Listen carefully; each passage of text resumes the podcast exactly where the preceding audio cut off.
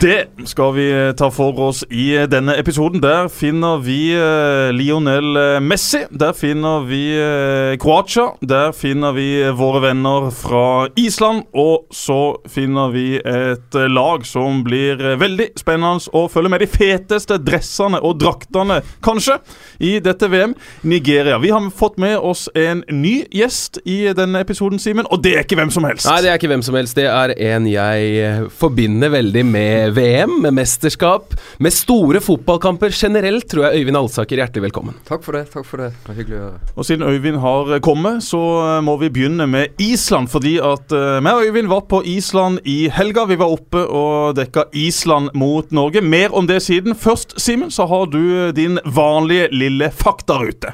331 000 mennesker bor på Island. De er i VM for aller første gang. To år etter at de var i sitt første EM. VM-meritter, selvfølgelig ingenting. Flest kamper i dagens tropp. Jesper, det kommer jeg tilbake til.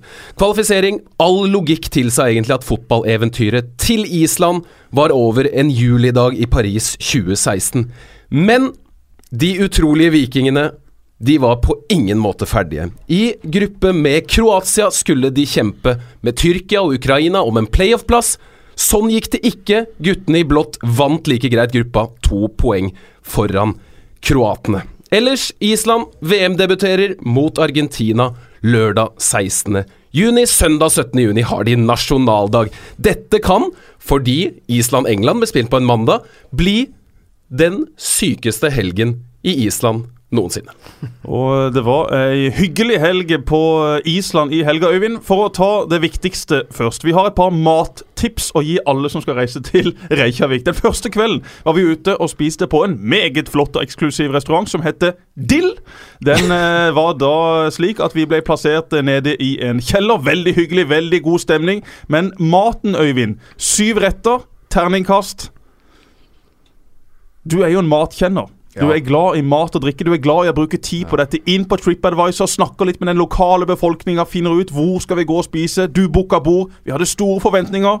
Men vi ble skuffa? Ja, vi ble skuffa. Uh, først vil jeg si et rom i kjelleren uh, jeg, jeg, liker å kalle det et uh, chambre séparé. Akkurat.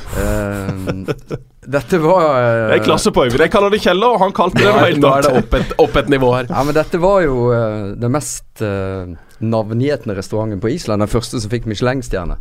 Så det trigga meg. Uh, og det var venteliste. Så jeg jobba hardt for å få oss inn, Jesper.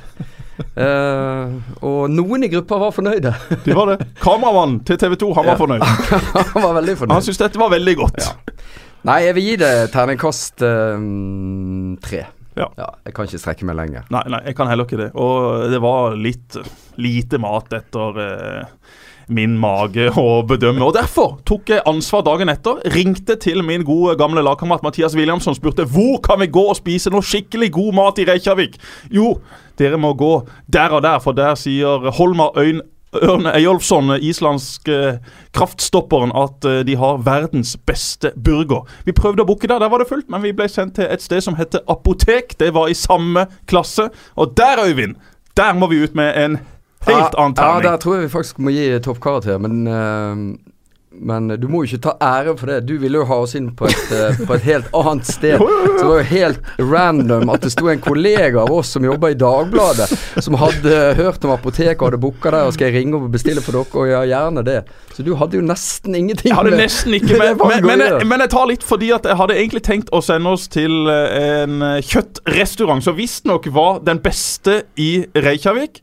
Der endte vi ikke oppe, men Morten P, da, vår venn fra Dagbladet, han sa jeg prøvde også å booke der, men de sa gå heller på apotek. Den restauranten er også veldig god. Så hvis dere er i Reykjavik, ta en tur på apotek. Bestill dere et kjøttstykke og en deilig dessert. Da blir dere ikke skuffa. Og en ting til. Ikke bruk penger eller tid på å reise til Den blå lagune. Det koster altså 790 norske kroner per pers for å bade i litt oppvarma vann. For ei turistfelle. Og vi gikk rett i den med Marius Skjelbæk, Espen Solbakken og eh, en eh, god uh, mann fra VG. Vi gikk inn der da, og jeg kom sist av alle fire og tenkte jøss, jeg må betale for alle fire. Og jeg kom inn i garderoben og spurte jøss, kan jeg bare vippse? Nei da, alle hadde betalt eh, 10 000 islandske gærninger for å bade litt. Ta heller et bad i sjøen. Det var nok eh, reisetips eh, i eh, denne podkasten. Nå skal vi videre, Simen, og snakke ball. Ja, jeg syns det var altfor mye nedsnakking av eh, Island. altså, jeg, mitt inntrykk av ja, Jeg har aldri vært der. Mitt inntrykk av islendinger generelt, det er at de er supernordmenn. Fantastiske De, folk. de er eh, som oss, bare at man har skilt Clinton fra hveten og sendt dem opp dit. De får altså til så utrolig mye bra. Eh, spesielt i idrett, og spesielt på fotballbanen. Og det de gjorde i, eh, i EM Man ble litt bortskjemt det, det året der, for da, da skjedde det ganske mye med Leicester. Man hadde um, også Atletico Madrid som, som Det var en del liksom, historier, sånn underdog-historier som hadde gått så det, det var liksom så utrolig da, at man venta hva, er det neste? Kan det bli råere enn dette? Og det slo vel kanskje ikke Leicester i og med at landslagsfotball er litt annerledes og, og det er færre kamper og sånn, men, eh, men i landslagssammenheng, Øyvind, eh, i din tid, er Island det, det råeste? Ja, det, det Pub, altså, uh, Antall mennesker der gjør jo at det er vanskelig å konkurrere. Sant? Fordi det er liksom en nasjon på størrelse med, med Bergen by i, i Norge. Og vi er jo en liten nasjon. Og vi kom jo på 90-tallet fra femte sida i kvaliken og, og vant gruppa. Og, og eh, store nasjoner som England måtte sitte hjemme pga. det. Så, og det har jo vært Det har nok vært en del historier med små nasjoner som har kara seg til mesterskap. Men det, var, det er nesten umulig å konkurrere eh, med Island. Men det her var jo, som du er inne på, året der alt kunne skje. Der eh, brexit og Trump eh, i tillegg fant sted. Så det var jo et, et spesielt år. Jeg var i i Frankrike når de uh, spilte sin første mesterskapskamp noen gang. Det var jo mot Portugal. Uh, nå er det jo liksom Jeg la merke til når du introduserte gruppa, så sa du uh, der finner vi Messi, og så finner vi Island, Nigeria og Kroatia. Og Det er et ganske godt bilde på Argentina, da. Men det er jo Argentina mot Island. Det er den ultimate fotballhistorien. Men det var jo en lignende historie i Frankrike også. Det var jo Cristiano Ronaldo mot, mot Island. Um, og det ble jo en uforglemmelig uh, opplevelse, rett og slett. Altså Det ble jo som venta et uh, portugisisk lag som styrte matchen. De fikk eh, til og med 1-0. Uh, men Island kom tilbake. Birke Bjarnason skåra, utligna til 1-1. Og så handler veldig mye eh, av resten om eh, Hannes Haldorsson eh, på lån i Bodø-Glimt. Det var liksom bare det var den, eh, den der eh, Askeladden-historien som gjør Som du finner oftere i fotball enn noe annet sted, i hvert fall innen idrett. Sant? Altså der den lille kan eh, yppe seg mot de store. Så det var, det var stort. De små kan yppe seg med de store. Jeg syns det er en, et bra tidspunkt å introdusere vår mann. For vi har en, en fast balte, vår mann, på hvert lag. En spiller som absolutt ikke trenger å være den beste. Det kan være en sprø historie bak. Det kan rett og slett bare være en personlig favoritt hos meg eller Jesper eller, eller de vi har med. I dag så har vi valgt en kar som spilte nettopp eh, denne kampen. For lite visste vi, lite visste han om hva som ventet han i karrieren da han ankom Bergen for ti år siden. Birkir Mar Sævarsson. Tenk å få så mye ut av et såpass begrensa fotballtalent. Det står så stor respekt av det han har gjort. Han skåra jo faktisk selvmål i, mot Ungarn etter dette her. Og der og da så var det kanskje hans verste øyeblikk i karrieren, men det viste seg jo å gjøre at Island fikk ble sendt mot England i åttendelsfinalen, og da fikk de jo altså den største opplevelsen noensinne. Han har 79 landskamper, det ble 168 kamper og 15 mål for Brann. Fantastisk jobb av Ojo. Og her kan det bli fem! Og det blir det! Og det er Severssons andre! Det er Sevarssons andre! Hvilken kamp var dette? Nei, oi, oi, oi.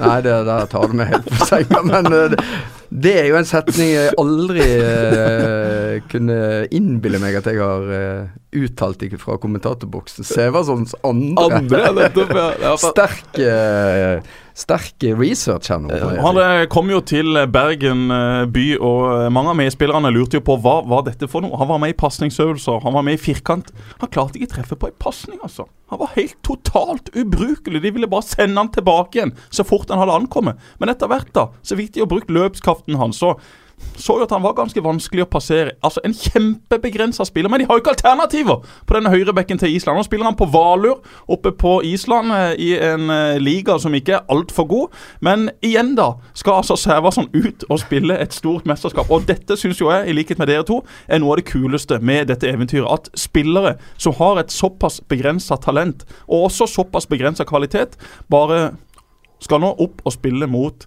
de råeste gutta i verden nok en gang. Så Sævarsson følger vi ekstra nøye med på. En eh, god gutt. En eh, OK fotballspiller som har fått ut det maksimale av hva som er mulig, og vel så det. Ja, og nå kommer jo dere rett fra Island, hvor dere så Norge slå Island. Men jeg tenkte jo da jeg så det, jeg tenker jo fortsatt det at det er liksom typisk Island å, å tape der. Men de er klare for det. Det er liksom, det er ikke noe stort problem. Det er ikke noe store varsellamper som blinker etter å ha tapt mot, eh, mot Norge. Eller tar jeg helt feil? Jeg tenker at når anledningen er stor, så strammer de seg opp, og så går det bra likevel.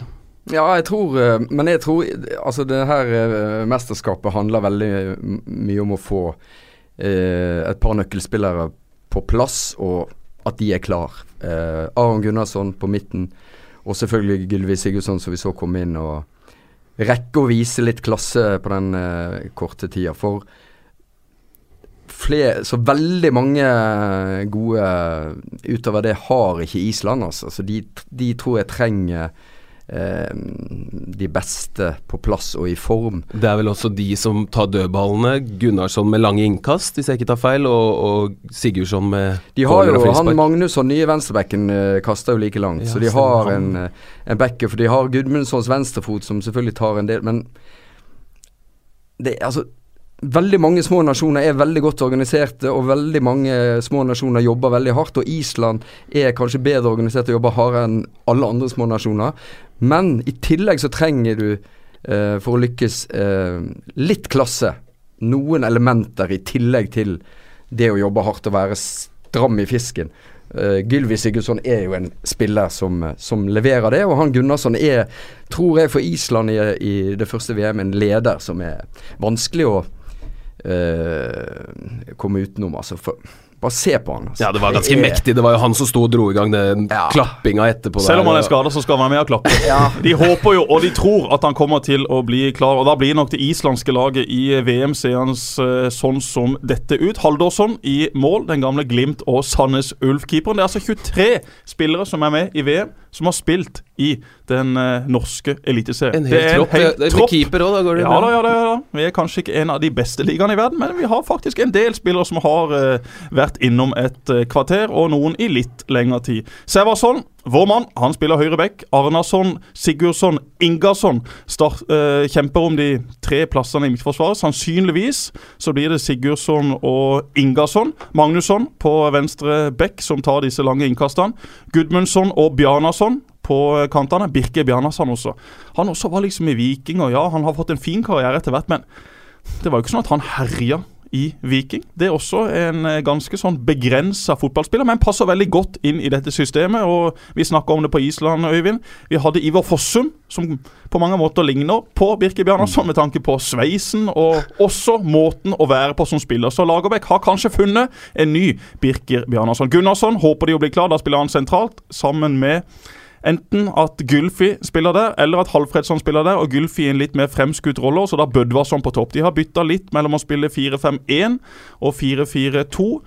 Lars Lagerbäck spilte kun 4-4-2. Spennende å se hva de kommer til å velge. Kanskje kommer de også til å bytte litt eh, rundt de forskjellige motstanderne. Og så har de jo da eh, ikke med seg en spiller som var veldig viktig i deres eh, siste mesterskap. Kolbein Siktorsson. Han er ute, og det er en klar svekkelse for Island. Så de er dønn avhengige av at eh, Gylfi Sigurdsson kommer seg på jobb.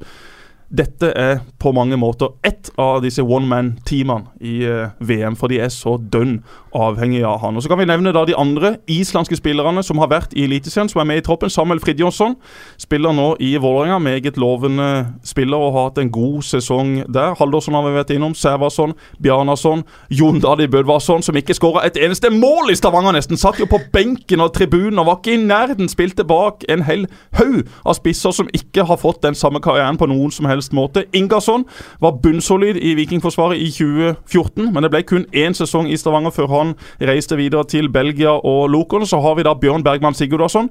Kan jo fint bli valgt på topp for dette islandske laget hvis de velger å spille med to spisser. Et uh, enormt talent har han alltid vært. Nå har han blitt ganske voksen også og har uh, levert mye bra i Norge, og også nå da utenfor Norges grenser. Holmar Ørn Eyolfsson, mannen som tipsa oss om en god restaurant i Reykjavik. Han uh, var god i Rosenborg, og han har de vel egentlig aldri klart å erstatte. Emil Halfredsson han eh, kom til eh, Lyn fra Tottenham i 2007. Og så da Arnor Ingvi Traustason skåra det viktige 2-1-målet da islendingene slo Østerrike 2-1 i EM 2016. Har en kort karriere i Norge bak seg. Han tilbrakte høsten 2012 på lån hos Sandnes Ulf, som akkurat unngikk nedrykk den sesongen. Så det er jo på mange måter vårt lag i dette VM, selv om ikke vi er med sjøl så føler vi en viss tilhørighet til den deilige gjengen. Ja, vi gjør jo det, og det Jeg har trua på Island. Jeg, det, jeg kan ikke noe for det, men det er mulig at jeg har litt vel høye tanker om det. Men når du snakker om alle disse, disse islendingene, så er det liksom ett ord som slår meg. De er rolige. De er så innmari rolige. De, de lar seg ikke affisere så veldig mye av at anledninger blir store. og de er tro til planen sin, og, og, det er få kamper, og plutselig, som vi har vært inne på litt i tidligere episoder, så kan eh, Lionel Messi blir skada. Så kan en nøkkelspiller fra et annet lag eh, bli utvist. Så plutselig, så er det noe med kraften de har der oppe. Altså, du sitter på stadion her oppe og, og, kommenterer, og de begynner med denne her klappinga si, som de er blitt verdenskjent for. Det er litt av en gjeng som sitter på tribunen også. Det er altså fullt trøkk i hver eneste klapp og i hvert eneste rop. Det er en gjeng med vikinger som sitter på banen, og det er en gjeng med vikinger som sitter på tribunen. De, de, de løper nå rundt på banen. Det er i hvert fall ingen andre lag i VM som har uh, eh, 10% av landets befolkning uh, på tribunen, tror jeg vi kan slå fast. Så det er og, og den der, eh, det der krigsropet eh, og den der klappingen, den, det er så mektig når du opplever det. Kanskje særlig på der på Laugadalsvølla, da, ja. som er jo veldig sånn åpent, og du ser noen mektige fjell, og det var litt sånn eh, skumring, litt grått, sånn som det ofte er på Island. Umulig å snakke opp, altså. Du blir bare sittende og bare suge det inn, altså. Det er så tøft. Uh, jeg, jeg, jeg, jeg, tror kanskje de skal få slite litt i Island, altså. jeg, tror det, men uh, uh, Men de gir alt i alt, og det kan de jo gå langt med. Kroatia hadde jo slått i kvalik, kanskje har de et lite overtak der. og Nigeria er jo sånn Afrikanske lag i, i VM er uforutsigbare. Så vi får se, men jeg tror de må ha de beste på plass. Det er, det er vi helt enige om. Og det har aldri vært et land med i VM som har så få innbyggere. Så uh, der også setter Island en rekord. Simen, vi må videre i gruppa. Hva slags lag har du til oss nå? Nigeria 182 millioner innbyggere. Verdens syvende mest folkerike land. 550 ganger Islands folketall. uh, så sent som 1994 deltok Nigeria i sitt første VM. Siden har de vært med hver gang, unntatt i Tyskland 06. Tre ganger har de gått videre fra gruppespillet, men hver gang så har de røket ut med en gang det har vært vinn eller forsvinn. For fire år siden så røk de mot Frankrike. Flest kamper i dagens tropp. Tidligere Lyn-spiller John Obi Miquel som har 84 landskamper. Det er en sulten gjeng ørner som kommer til Russland. Siden forrige VM har de nemlig ikke klart å kvalifisere seg til noen av de to Afrikamesterskapene etter at de vant den foregående. Eh, men i VM-kvaliken så de uforskamma bra ut da de vant sin gruppe med Algerie, Kamerun og Zambia suverent. Nigerias drakt i VM 2018 er tidenes mest ettertrakta. Nike kan melde at det aldri har vært gjort så mange forhåndsbestillinger. Tre millioner drakter var bestilt før den i det hele tatt kom i butikkene. Og det kan jeg godt skjønne, for de har eh, truffet veldig på designet av denne drakta. De har jo også disse dressene sine. De også ble bare revet ut av butikken. Når jeg snakka med noen fra Nike og spurte kan vi få noen av disse eksemplarene, så skal de sette de på Erik Thorsvedt osv. på kontraskjær når vi skal sitte der og følge VM i sommer. De sa vi skal prøve, men vi vet ikke. Det er helt gale, Mathias. Så Nigeria og Nike de har i det minste truffet på noe inn mot dette mesterskapet. Ja, de har gjort det, og det er jo som Øyvind sier, et, et, et litt vanskelig lag å, å, spå. De har en uh, midtstopper som er sjef, som apropos det du snakker om, har spilt i, i norsk fotball. Du kjenner han bedre enn jeg gjør, og jeg husker at det var en veldig god spiller for Haugesund. William Trost Ekong. Ja, kom på lån til Haugesund. Eh, fikk egentlig kapteinspinne ganske kjapt, selv om han bare skulle være der eh, et halvt år eller en sesong på lån og Det sier jo litt om hans presence i en garderobe, og ikke minst da også ute på banen. En spiller som nå er i Bursa spor, har en drøm om å spille i Premier League. Har jo vært i eh, Tottenham da han var yngre, har vært et eh, kjempestort talent. Men måtte ta turen innom Haugalandet da, før han eh, virkelig slo gjennom. Har en ting til felles med det, Simen. Han venter en liten baby Oi. i juli. Og det gjør jo du også, vidt, uh, så vidt jeg Stemmer, vet. Yep. Så da er det spennende tider for dere begge. Tross det Kong skåra jo sitt første mål for ei uke siden i en privatlandskamp, og da jubla han med ballen under drakta. Så han har vist for hele verden at han uh, snart skal ha en frue som skal poppe ut en unge. Hva tror vi om Nigeria, Øyvind? Du sa det i stad. Litt vanskelig å plassere. Jeg trodde du skulle spørre meg om uh, småbarn, jeg nå. Som fembarnsfar. Ja, ja, ja, ja, tenkte jeg kunne komme med noen uh, velment uh, råd til uh, Simen og nevnte uh, Gjør gjerne det. Gjør gjerne det. Jeg tar også imot det, altså. Jeg var innom uh, Kaptein Sabeltann i går, og en sønn som er blitt direkte avhengig av Terje Formos gærne sjørøver. Jeg klarer liksom ikke få han avvent med det. Nå skal jeg snart hjem og så skal jeg brenne den der kappa og dette sverdet i peisen. Bare hive alt inn. Og når han spør da om hvor tøyet hans er, så skal jeg bare si at vet du hva, nå går vi bort på banen og så skal vi spille litt ball. Ja. Går det? Det er, et, eh, det er en eh, meget eh, korrekt Fem unger, og du reiser så mye, Øyvind.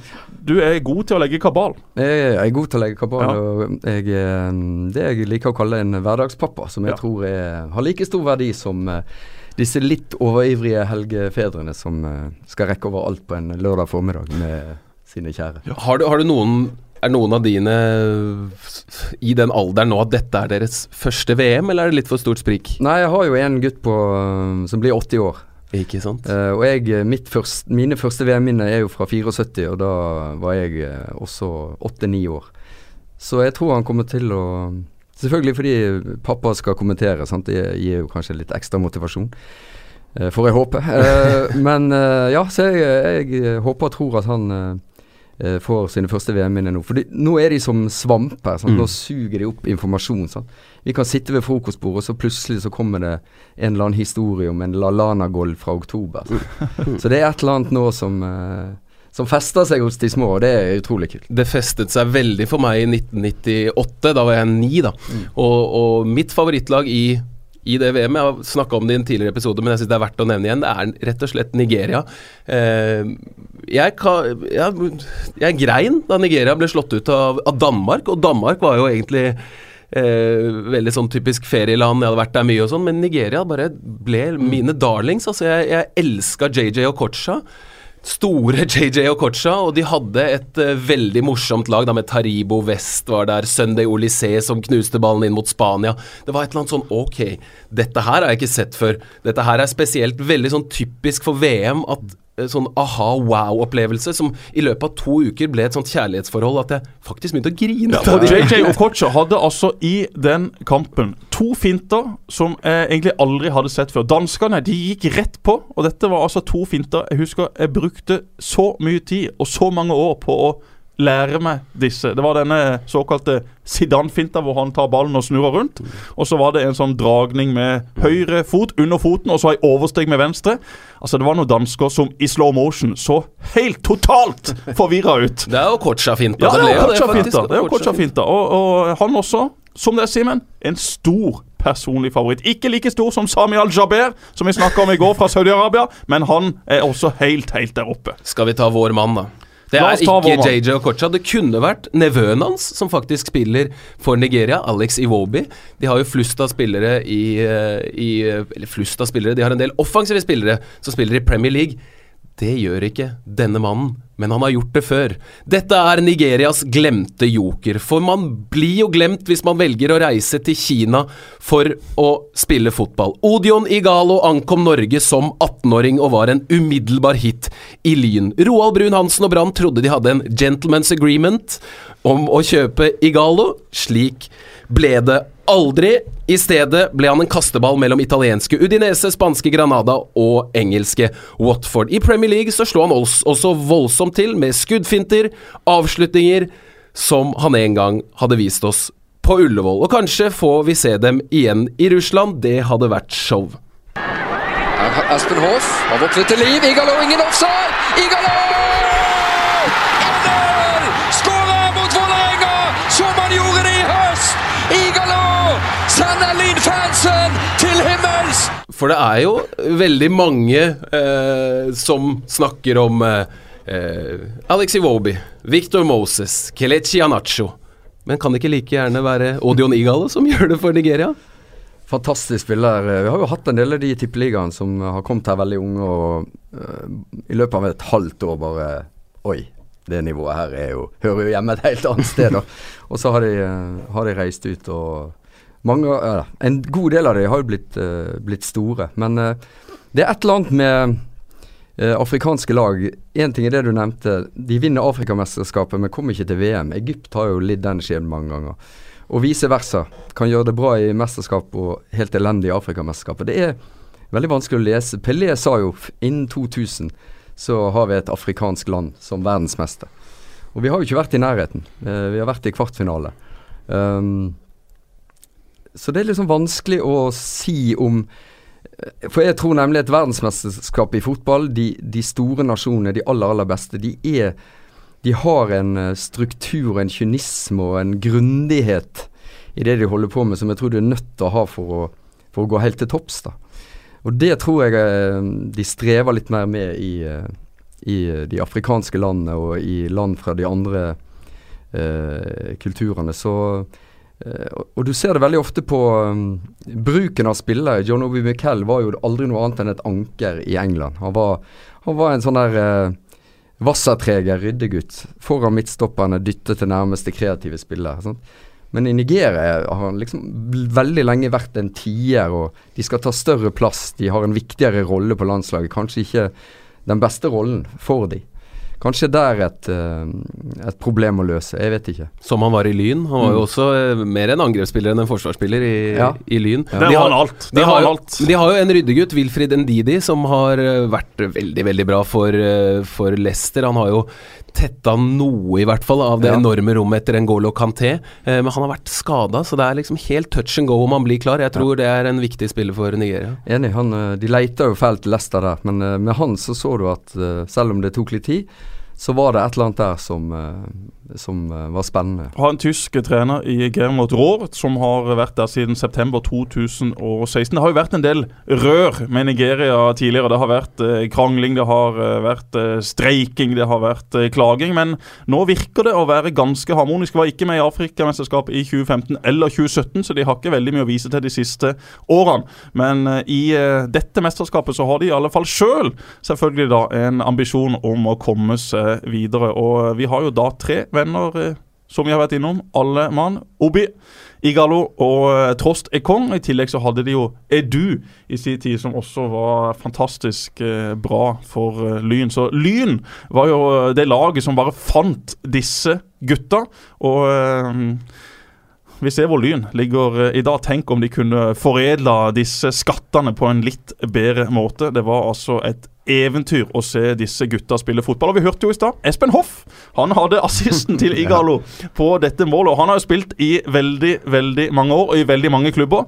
Men han sa bare det at med en gang han så disse gutta komme på trening, så tenkte han bare wow, de løp altså noen intervaller på tredemøllene som var på et sånt nivå og som var i et sånt tempo at de norske gutta var sjanseløse på å følge med. Altså, Det finnes en del norske spillere som har vært godt trent og som har vært veldig proffe og flinke i måten å trene fysisk kapasitet på. Men de var altså ikke i nærheten. Jon Obi Miquel løp altså sånn fire minutter på 18, 19, 20. Altså Lyngutta var i sjokk!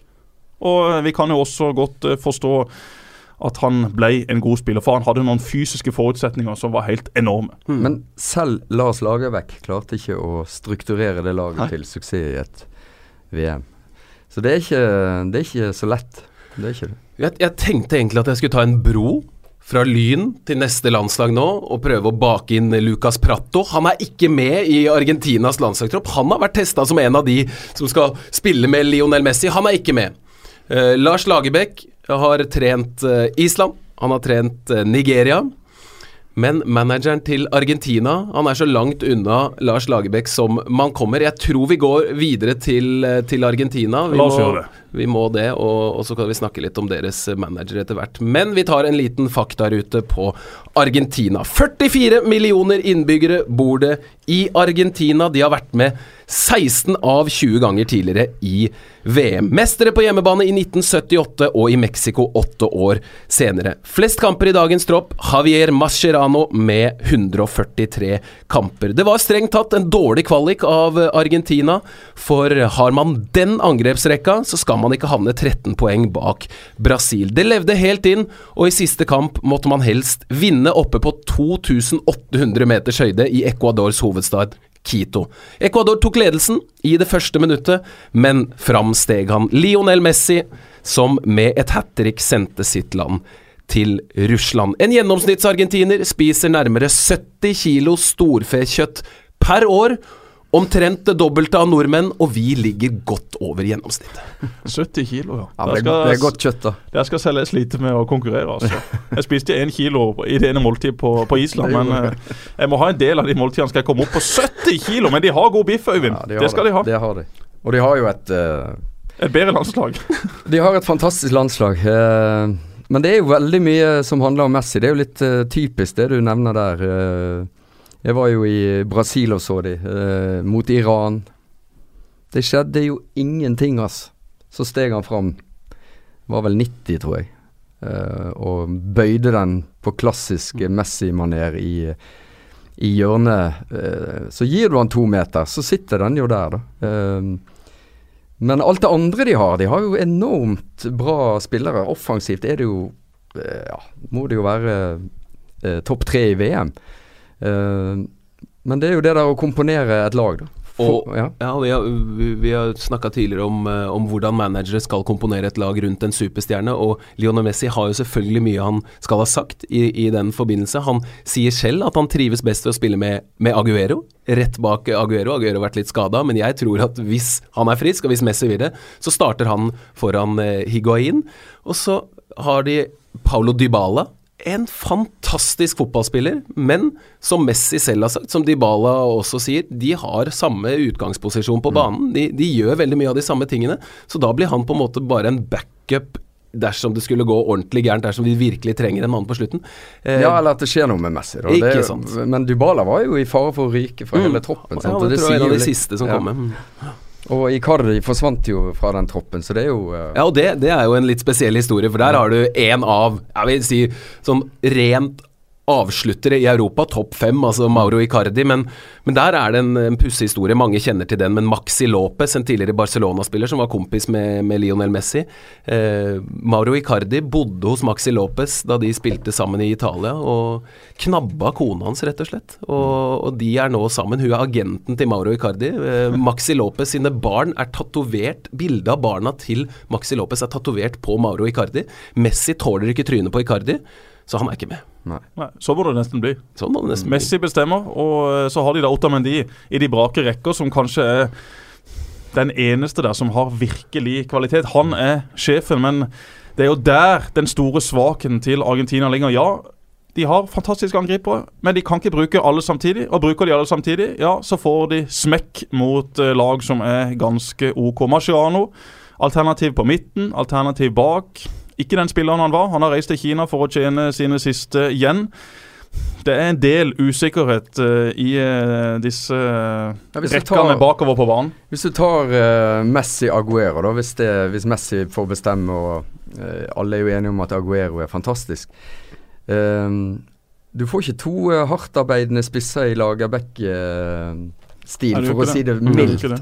Altså, Lanzini og Di Maria på kantene da, Simen, tror du? Ja, det kan bli det. eh, Di Maria har jo vært veldig fast og, Mm. og inne der, da. Han, han, ja, han er jo i hvert fall en som, eh, som gjør jobben, da. mm, men skal du vinne et VM, så må du Du må ha en balanse, da. Du, du er nødt til det, altså. Og det er løse kanoner, altså. Midtstoppere, argentinske midtstoppere er løse kanoner her. Jeg tror ikke Rojo kommer til å spille. Han er en løs kanon. Otamendi det samme. De har ikke med Funes Mori, som også er en sånn løs kanon. Eh, Argentina, Brasil, Uruguay. De landene man tenker jo kanskje ofte at, at det er det de fra Balkan det, det klikker for. Er det afrikanerne som takler litt stygt? Men det er jo søramerikanerne. Det er Brasil, Uruguay og Argentina som oftest per kamp til og med får røde kort i, i VM, og det kan man jo se for seg om det er en eh, han Fasio, hvis han spiller veldig treig, han må nappe litt i trøya på en, så er de plutselig nede i, i ti mann. Otamendi er også Han har hatt en veldig god sesong, det skal sies, men han er kapabel til å miste huet, altså. Det kan fort komme en feil fra han. Og så har de da Lo Celso på, på midtbanen, som fort eh, da kommer til å spille. Fra PSG kom til Frankrike som en uh, spiller som ikke var like god begge veier. Har etter hvert utvikla det defensive og får uh, dermed sannsynligvis en viktig rolle på Argentinas uh, midtbane. Men det er en del hull i dette mannskapet når du sammenligner med de aller, aller råeste. Og det må vi jo tross alt gjøre, men de hadde litt hull i 2014 også. Men da dro de seg til en finaleøyvind. Det ble riktignok tap for Tyskland, men Messi, selv om ikke han var outstanding i alt det kamp. Og det er jo heller ikke så lett, for det er jo han alle Nei. motstandere bryr seg om. Ja, ja, og han bar jo Argentina gjennom med det mesterskapet Maradona-style. 86, det var jo nesten en parallell. Altså hadde, hadde Argentina slått Tyskland i finalen, så hadde det jo vært eh, Historien gjentar seg. Eh, så han er selvfølgelig kapabel til å ta Argentina veldig langt, men det er få som nevner Argentina som favoritt, og jeg forstår det. For det og det handler jo rett og slett om det at uh, de har uh, enkeltspillere som, er, som ingen andre, eller som er, matcher alt. Uh, men de har for f Som lag, da, så mm, Så er Sergio Romero ute med Mm. en kneskade. Caballero Caballero inn i mål. Liksom. Kan det gå? Ja, det kan gå, men jeg, det, er også, det er jo ikke, en, det er ikke ideelt, det. Uh, Caballero er, han har sine mangler. Ja, ja, ja. Her, det, Men en ting som er Altså, det, det store er jo Dette er antagelig Vi vet at Lionel Messis bein fungerer som de skal nå. Vi, vi har ingen peiling på hvordan de beina er om, om fire år. Dette kan Det er en ganske stor sjanse for at dette er hans siste mulighet eh, til å, og sånn er det, bli Maradona-stor i eh, Argentina. Tidligere så har Lionel Messi blitt pepet ut på hjemmebane. Han har gjort veldig, veldig mye bra etter det, men det har han eh, latt seg prege av. Han dro veldig tidlig til Catalonia. Onde tunger i Argentina, de ondeste tungene, da, eh, vil jo ha det til at han ikke brydde seg like mye om Argentina som han gjorde om, om Barcelona, men dette kan jo bli det perfekte klimakset i, eh, i karrieren til det som i hvert fall jeg, og sikkert mange med meg, mener er tidenes eh, beste fotballspiller. ja. eh, jeg er jo eh, Maradona-generasjon på mange måter, da. Eh, men eh, jeg kan jo ikke argumentere mot eh, Lionel Messi som tidenes eh, største. Eh, men jeg syns begge har det som jeg syns Cristiano Ronaldo kanskje mangler litt. da. Altså et Spiller fotball på en måte som som, eh, som du nesten Du må gni deg litt i øynene. Det føler jeg Det følte jeg Maradona gjorde. Det føler jeg Lionel Messi gjør. Gjør ting på en fotballbane som, som ingen andre. Og der Ronaldo med, med sin fysikk osv. kan redefinere seg som spiller og bli en avslutter og en ja, Kall det luksusspiller, da. For all del en av de er kanskje den beste i verden på akkurat det.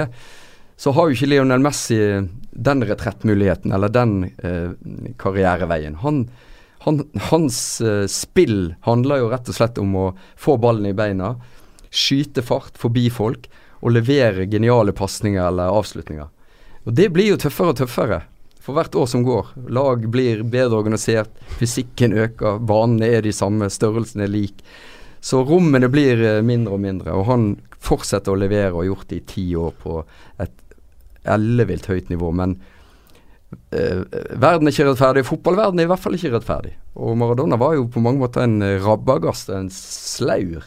Som skjøt med luftgevær mot pressefolk og tok kokain og holdt på og levde jo som en gal mann, altså besatt på mange måter. Men Likevel er han elsket og Hansen mot England og juks og fanteri. Sant? Likevel så løfter vi han opp.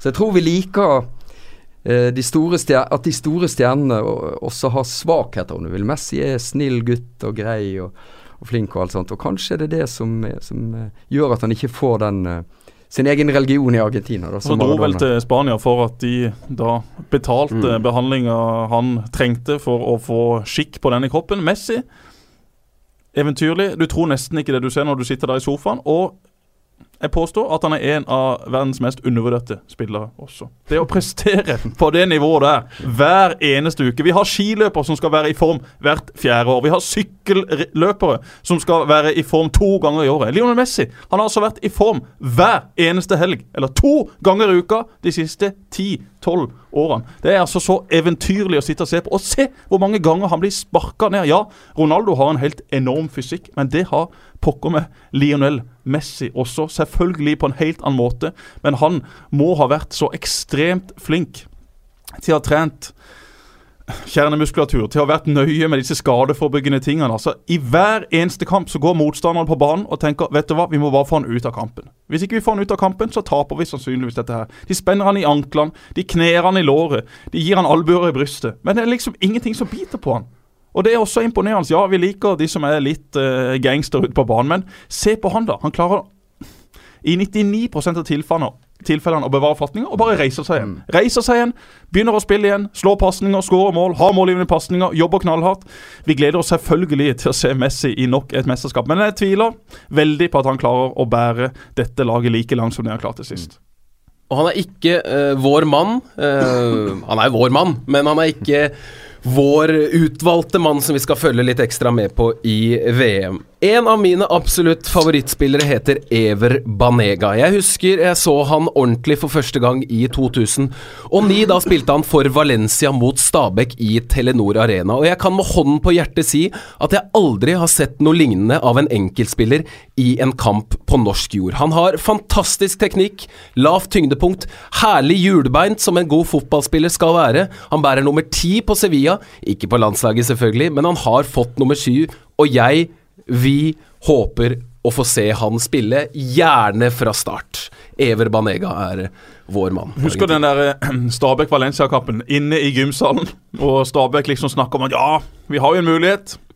Vi skal spille på kunstgress. Vi skal spille innendørs. Valencia kom. Ble det Det ble bare, ja, det ble bare større fordel. Det ble handler mye større fordel. David Via jeg lurer på Det var en eller annen i Stabæk som hadde vært og kikka på treninga di siden før. Han hadde sett de spille firkant og ha noen pasningsøvelser. Og fikk da spørsmål dagen etter. Har vi sjans? Vi har ikke det, vet du. Vi kommer til å tape.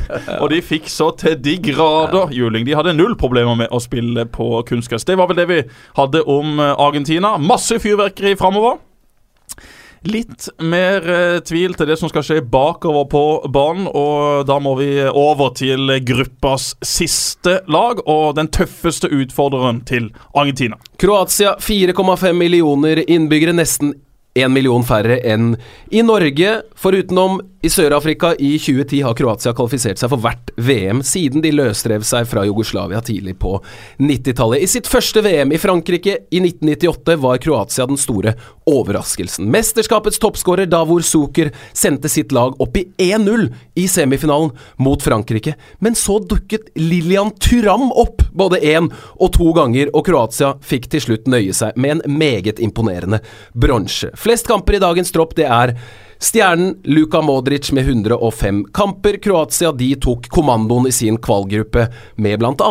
Island, men etter uavgjort mot Finland og tap mot Tyrkia og Island, så var det takk og hei til trener Ante Kasic. Han ledet eh, eh, Den nye manageren ledet laget trygt og godt forbi Hellas i playoff og inn i VM, hvor de hører hjemme. Kroatia er regjerende verdensmester i vannpolo. De har tidenes største hvite trøffel, Øyvind, på 1,3 kilo. Den er plukket i Kroatia. Og scenene fra hovedstaden i Game of Thrones, Kings Landing, er filmet i Dubrovnik i Kroatia. Akkurat. Dubrovnik. Fint eh, feriested. Bra ferieland, Ja, det går mye direktefly der fra Norge. Ikke like hyggelig der som i Danmark, men eh, Dubrovnik kan også anbefales. Kroatia de har eh, også en spiller, Øyvind, som eh, har litt av dette Messi og Maradona har. De har Luka Modric, som på sitt beste er nesten like flott å se på. Ja, han er det. Han er en av mine absolutt favorittspillere i verden. Uh, liten, uh, ikke sånn lynrask, men uh, alltid eh, kontroll. Får alltid med seg ballen. Eh, og får nesten alltid fram pasningen. Uh, uansett vinkel, uansett hvilken del av foten han må bruke. Som regel høyre, men uh, klarer seg alltid. eh, ja, det, han er Dette spillet skjønner han. Det er det jeg tenker når jeg ser Luka Modric spille fotball. He knows. Naturlig fotballspiller. Ja. Mm. Jeg så han for eh, Hva ble det? Dynamo Zagreb, når Brann spilte i Europacup. Sant? Da var jo han i Da møtte de jo Sager, de møtte Brygge med Vincent Company. Sant? Disse her eh, som nå er verdensstjerner. Når de var på vei opp. Og du så det allerede den gang, sant? like før han dro til storklubb. Uh, så så du at uh, her var en fotballspiller som faktisk holdt på med noe helt annet enn resten av, av gjengen. Så han, uh, han hadde det tidlig og, ha, og har egentlig bare fortsatt å imponere. Real Madrid, sant, det er, du, du kan ikke eh, falle særlig i prestasjoner der for å, for å overleve, da. Særlig som, som, som midtbane, ja, kreator og, og i, det maskinrommet der. Men han har eh, han har vært der gjennom suksessen, altså, det er det god grunn til. Og Et land som har samme antall innbyggere som Norge, sånn cirka. Så tenk hva de får fram av fotballspillere. De har et eh, system i Kroatia som eh, er ganske annerledes det vi har i Norge. Masse norske klubber som har eh, reist ned til Kroatia for å se hvordan de gjør det der. Det er selvfølgelig ikke mulig å gjøre det på samme måten, men eh, jeg tror nok vi har noe å lære også av Kroatia. Så er det jo noe med sulten til disse gutta. Lidenskapen for, for sporten. Jeg Ja, og, si og ball, balltalentet, for det er jo ikke bare i fotball, altså. Vannpolo. Ja. og, og de ser vonde ut å møte i vannpolo, disse her gutta med disse her hvite og røde Ja. hjelmene i det bassenget. Der er det klyping og sparking og slåing og Hvilket kasting. mesterskap var det han eh, Vedla, Vedran Chorluka fikk en hodeskade og kom Ja, på med vannpolo?! ja, ja. ja, det var perfekt. Men eh, bare kjapt tilbake til Luka Modric. Han var jo faktisk ikke veldig bra i høst.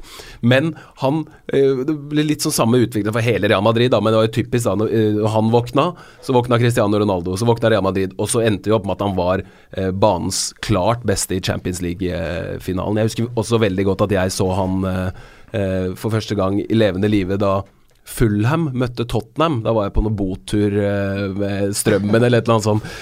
Og vi var litt eh, bakis og, og sto og så på det, men da var det sånn her er det to fotballspillere som bare, til det Øyvind sa, en, en, en naturlig gode fotballspillere. Det var han, Luka Modric og Moussa Dembélé. Det var bare sånn mm, Wow. Du blir bare så glad av å se sånne spillere, og det er flere av dem. Eh, Mateo Kovacic, som antagelig ikke får spille, for det er ikke plass til han på den midtbanen, for de må ha noe balanse der òg. Milan Badel, som er en liksom, mer grovarbeider, skal spille der. Og de skal selvfølgelig også ha plass til Ivan Rakitic, som jo også er en nydelig spiller. Det finnes ikke mange lag i dette mesterskapet som har en bedre midtbane enn Nei. dette kroatiske laget. Og toppnivået de sitt kan bli fryktelig vanskelig å møte. Men forsvaret deres det mangler eh, fart. Der finner vi eh, Dejan Lovren, som eh, var vel eh, relativt uh, solid for Liverpool mot slutten av Det har vært stigning i programmet etter at mm, Du skal kanskje si det. men, ha, nei, men har, han- hvem får han med seg midtforsvaret til ikke van Dijk.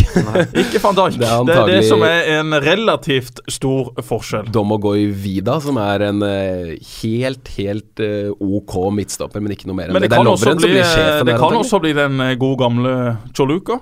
Ja, det kan det bli. Det kan bli det, fordi at de har en eh, venstreback eh, i Strinic som eh, ikke har vært eh, veldig god. Han eh, er deres svakeste punkt hvis han spiller. Derfor kan de også dytte Vida ut til eh, venstre, og så da inn med Choloka sammen med Lovren. De har da masse rutine i midten. De har veldig lite fart, og det kan jo straffe seg mot både Island, Nigeria og eh, ikke minst eh, våre venner fra Argentina. For eh, der er det mye fart egentlig framme i alle disse lagene. Men de har én spiller som jeg er ganske sikker på at du kommenterte om ikke den første noen gruppespillskamper for Kroatia i EM, Ivan Peresic. Som plutselig våkna veldig og har vært eh, Plutselig etter det ville jo Manchester United Mourinho veldig fan av eh, Perisic, som er en veldig god kontringsspiller, kanskje spesielt. Ja, han eh, jeg, jeg tenkte når Mourinho ville ha han, så tenkte jeg at det er en fantastisk god signering. For han er Han har et sånn power i spillet sitt som er egentlig ganske sjelden å se. Han er veldig målfarlig fra kant. Han er god begge veier. Ehm, han er rett og slett en klassespiller. Han er en, ja, en eh, uvurderlig spiller for de. Um, Men han har også må komme seg på jobb, fått en del kritikk hjemme fordi at han ikke har levert det samme for landslaget som han har gjort for uh, sitt klubblag. Og så har det jo vært en del rot i det kroatiske forbundet. Davor Suko, vår eh, gode, gamle superspiss, han eh, anklages for eh, korrupsjon, og det er det sikkert ikke eh, umulig at eh, foregår. Det er mye penger oppe på toppen, og de gjør akkurat som eh, de vil. Suko og Mamic.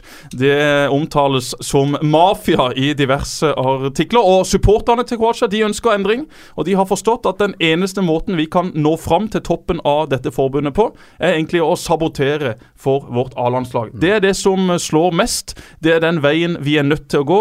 Luka Modric har jo vært ute og gitt sin støtte til Zucker og, og Det har ikke vært populært. Det har absolutt ikke vært populært, så kanskje litt i kjent stil, da. Så er det en del eh, ting som har eh, vært utafor banen, som ikke er akkurat sånn som det skal være. La oss håpe ikke det går ut over prestasjonene til disse fantastiske spillerne i mesterskapet, men det har også nå inn mot mesterskapet vært en del bråk. Ja, og de har jo fått inn en manager som er så langt fra merittert som han kan bli. Slatko Dalic er veldig få, antar jeg, som har hørt om han. Han har vært i i Emiratene, tror jeg trent, har litt erfaring fra Kroatias U21-landslag fra før. Så det kaoset som oppsto i høst Det virka som at de bare måtte finne en mann, første og beste, ta han. Og så, så er det jo bare altså, Det kan jo for all del eh, gå bra. Det er jo noen karrierer eh, trenerkarrierer som starter på den måten. Litt tilfeldigheter. Fotballkarriere, trenerkarriere, spiller.